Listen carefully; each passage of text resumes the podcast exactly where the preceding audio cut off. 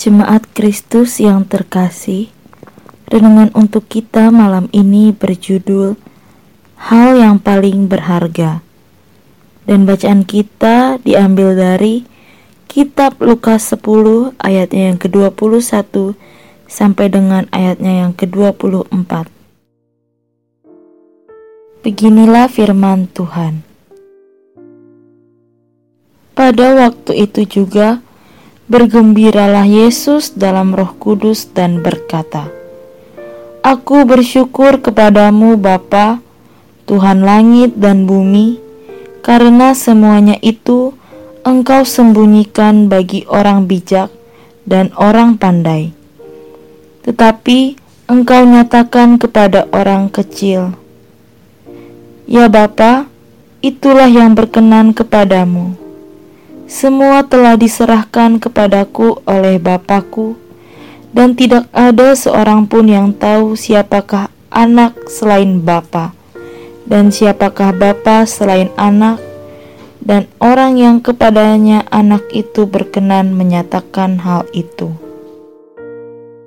Sesudah itu, berpalinglah Yesus kepada murid-muridnya tersendiri dan berkata, Berbahagialah mata yang melihat apa yang kamu lihat, karena aku berkata kepada kamu, banyak nabi dan raja ingin melihat apa yang kamu lihat, tetapi tidak melihatnya, dan ingin mendengar apa yang kamu dengar, tetapi tidak mendengarnya.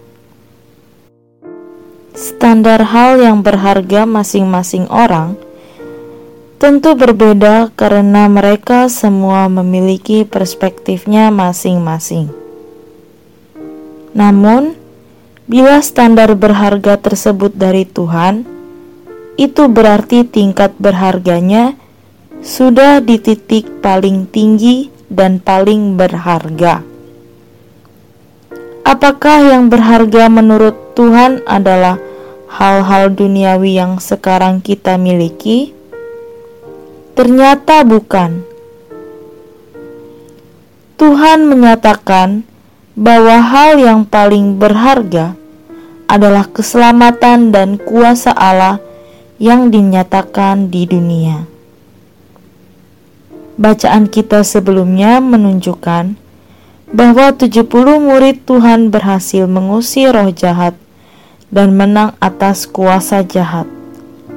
Ini menunjukkan bahwa Kristus benar-benar ingin dunia diselamatkan dan dilepaskan dari dosa. Dan yang menarik, hal sebesar ini tidak Kristus bagikan secara langsung kepada orang-orang yang dianggap terhormat. Justru kepada orang-orang yang lemahlah Kristus menunjukkan ini semua. Hal ini bukan tanpa arti, sebab yang benar-benar merindukan perubahan dan Allah berkuasa di dunia adalah orang-orang sederhana yang selama ini hidupnya sudah ditindas oleh para penguasa. Karena inilah Kristus menyatakan itu kepada murid dan orang-orang di sekitar yang memang bukan dari kelompok penguasa. Ini juga menunjukkan hal penting bagi kita bahwa Kristus peduli dengan kehidupan kita semua, siapa pun tanpa terkecuali. Jagalah hal yang paling berharga tersebut dan bagikan kepada orang yang benar-benar ingin menerimanya. Demikianlah renungan malam ini.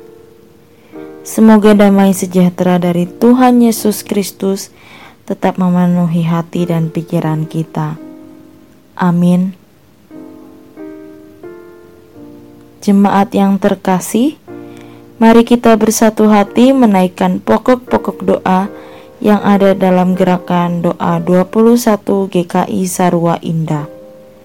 Mari berdoa.